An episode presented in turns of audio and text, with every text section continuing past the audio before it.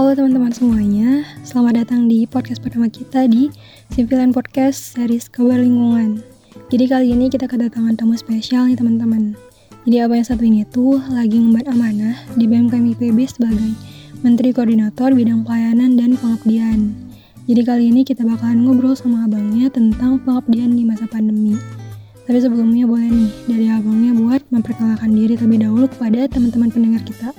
Silakan bang. Oke, assalamualaikum warahmatullahi wabarakatuh. Halo semuanya para pendengar sekalian. Sebenarnya perkenalkan nama aku Muhammad Warid Akbar, FPIK angkatan 54. Alhamdulillah dan insya Allah tahun ini diamanahi selaku Menteri Koordinator Bidang Pelayanan dan Pengabdian BMKM IPB periode 2021 Kabinet Zilenial seperti itu. Nah, abangnya bisa dipanggil Bang Warid ya teman-teman. Oke, jadi gini nih bang. Di tengah-tengah pandemi COVID-19 ini tuh kayak banyak teman-teman kita yang bingung. Terutama teman-teman dari komunitas sama Ormawa yang geraknya itu di bidang pengabdian bang. Jadi kita tuh kayak uh, agak bingung gimana sebaiknya kita ngejalanin pengabdian, tapi di tengah-tengah situasi yang gak ngedukung kayak saat ini. Nah terus aku penasaran nih bang, pendapat Bang Wadi sendiri terkait besarnya pengaruh pandemi COVID-19 terhadap kegiatan kita itu kayak gimana? Oke, seberapa besar sih pandemi ini mempengaruhi kegiatan kita ya ter terkhusus di kegiatan pengabdian? Uh, kalau menurut aku sangat-sangat berpengaruh teman-teman semua di sini. Karena kenapa? Yang pertama pasti dari arah gerak kita, dari kapasitas kita ketika turun langsung itu sangat dipengaruhi. Misalnya seperti ini teman-teman, uh, kalau dulu nih kita mengcompare ya, membandingkan ya. Kalau dulu ketika kita turun desa ya udah kita tinggal turun aja. Justru kalau dulu sebelum ada pandemi kita malah banyak-banyakan yang turun seperti itu. Nah sekarang kita malah harus mempertimbangkan nih berapa orang yang turun karena ada protokol kesehatan yang harus kita taati seperti itu ya. Misal kita turun itu uh, maksimal 20 orang, maksimal 15 orang harus nantiasa selalu mentaati protokol kesehatan, cuci tangan kan sebelum melakukan kegiatan di desa, pakai masker selalu seperti itu. Jadi kalau menurut aku nih sangat-sangat berpengaruh pandemi ini di kegiatan pengabdian seperti itu. Tapi ya jangan sampai dari pengaruhnya pandemi ini kita malah melunturkan rasa minat atau rasa untuk kita mengabdi di masyarakat seperti itu. Setuju banget sama yang Bang Warid bilang tadi. Jadi uh, adanya pandemi ini itu nggak boleh dijadiin alasan yang ngebuat minat kita untuk mengabdi di masyarakat itu luntur. Terus selanjutnya terkait perubahan situasi. Jadi dulu itu kan proker yang kita jalanin secara offline. Tapi dengan adanya pandemi ini harus diikhlaskan secara online. Nah, menurut Bang Wari sendiri terkait hal itu tuh gimana sih Bang? Uh, terkait program kerja ya, bagaimana program kerja yang seharusnya dijalankan secara offline harus dijalankan secara online ini sih teman-teman. Ya memang wajar kalau menurut aku ya. Biasanya kegiatan offline itu selalu selalu diminati selalu digandrungin dan sebagainya lah. Tapi bagaimana sih kalau menurut aku ya ketika offline diganti online ini ya yang pertama bagaimana kita tetap berprinsip dari apa yang ingin kita tuju sih. Misal kegiatan ketika kegiatan kita offline gitu terus kita konversikan ke online gitu Nah kita harus tahu nih outputnya seperti apa gitu. Apakah output ini nanti bakal melenceng dari output yang offline ataukah output ini uh, masih bisa kita pertahankan seperti itu. Karena ya pada dasarnya baik offline maupun online yang perlu kita ketahui ketika membuat suatu kegiatan, suatu program kerja yaitu ya output apa yang ingin kita capai dari penyelenggara dari kegiatan yang kita selenggarakan seperti itu. Oke, okay, berarti yang paling penting di sini itu adalah output dari masing-masing proker yang kita jalanin. Nah, terus aku itu penasaran tentang BMKM IPB sendirinya sih, Bang. Kayak gimana sih Abang sama teman-teman yang lain ngejalanin berbagai macam program kerja yang ada ke depannya. Terutama eh, kegiatan-kegiatan yang ada di bawah lingkungan Kementerian Lingkungan Hidup, terus pertanian dan desa sama sosial masyarakat. Eh, mantap nih pertanyaannya nih. Bagaimana ya ke depannya nih dalam menjalankan berbagai program kegiatan nih terutama di tiga kementerian yang sekiranya langsung yang sekiranya bekerja bersama lingkungan hidup, bersama desa, sama sosial masyarakat nih kementerian-kementerian tersebut ya. Kalau dari aku yang pertama pasti kita menimbang menimbang sih dalam artian mana kegiatan yang bisa kita hybridkan ataupun yang kita online kan mana yang memang benar-benar harus offline kayak gitu. Kembali lagi kalau misal kegiatan dari tiga kementerian ini harus offline, ya kita harus turut turut sama taat dengan protokol kesehatan yang ada kayak gitu. Kalau menurut aku juga ya dari tiga kementerian ini pasti ada yang kegiatannya secara offline, tapi kita tetap senantiasa melakukan kegiatannya itu dengan protokol kesehatan yang ada, kayak gitu. Oke, mantap banget nih teman-teman dari BMKM. Jadi nanti tuh apa pun bentuk kegiatannya, mau hybrid ataupun offline yang tetap harus diperhatiin adalah protokol kesehatan. Nah, terus selanjutnya ini terkait Ormawa Bang. Pasti kan Ormawa itu punya kegiatan offline yang akhirnya harus dijelaskan untuk dilakukan secara online. Nah, menurut Bang Wari sendiri, apa aja sih yang harus dilakuin Ormawa ini supaya esensi sama tujuan kegiatannya itu masih bisa tersampaikan? Nah menurut saya ya yang, yang pertama memang big way dari teman-teman Ormawa ini laksanakan gitu loh. Ngapain gitu kan?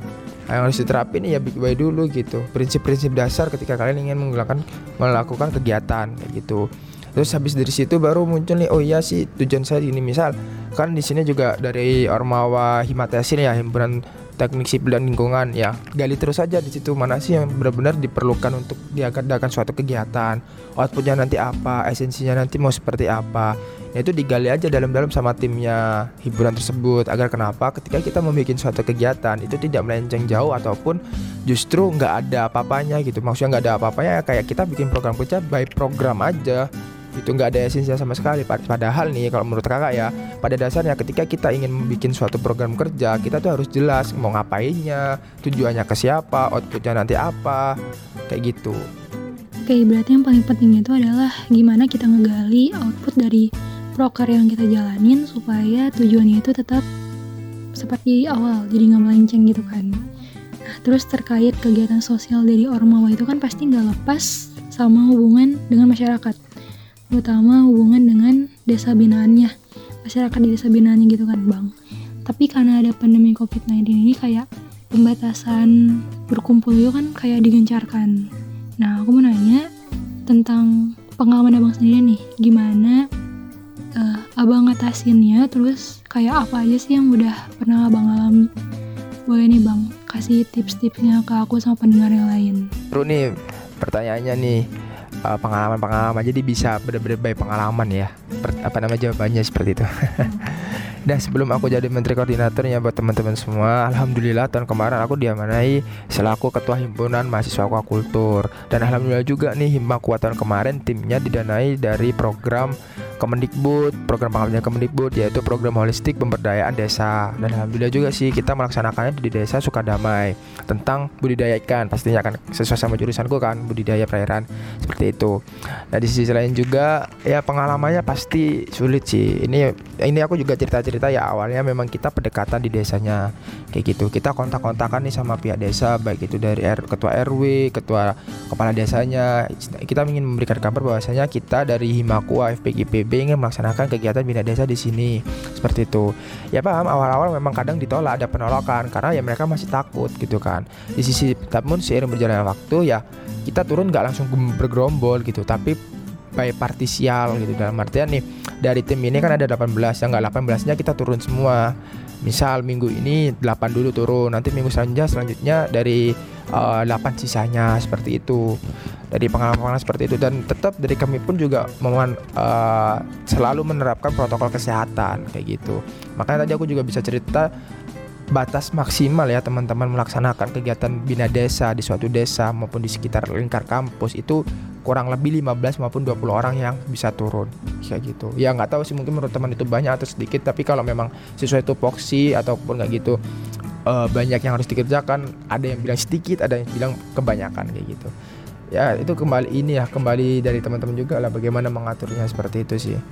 Jadi poinnya di sini pengalamannya aku ya itu tadi kita sharing-sharing awalnya terus habis itu uh, minta izin terus habis minta izin baru kita udah bisa melaksanakan kegiatan dengan protokol kesehatan yang ada.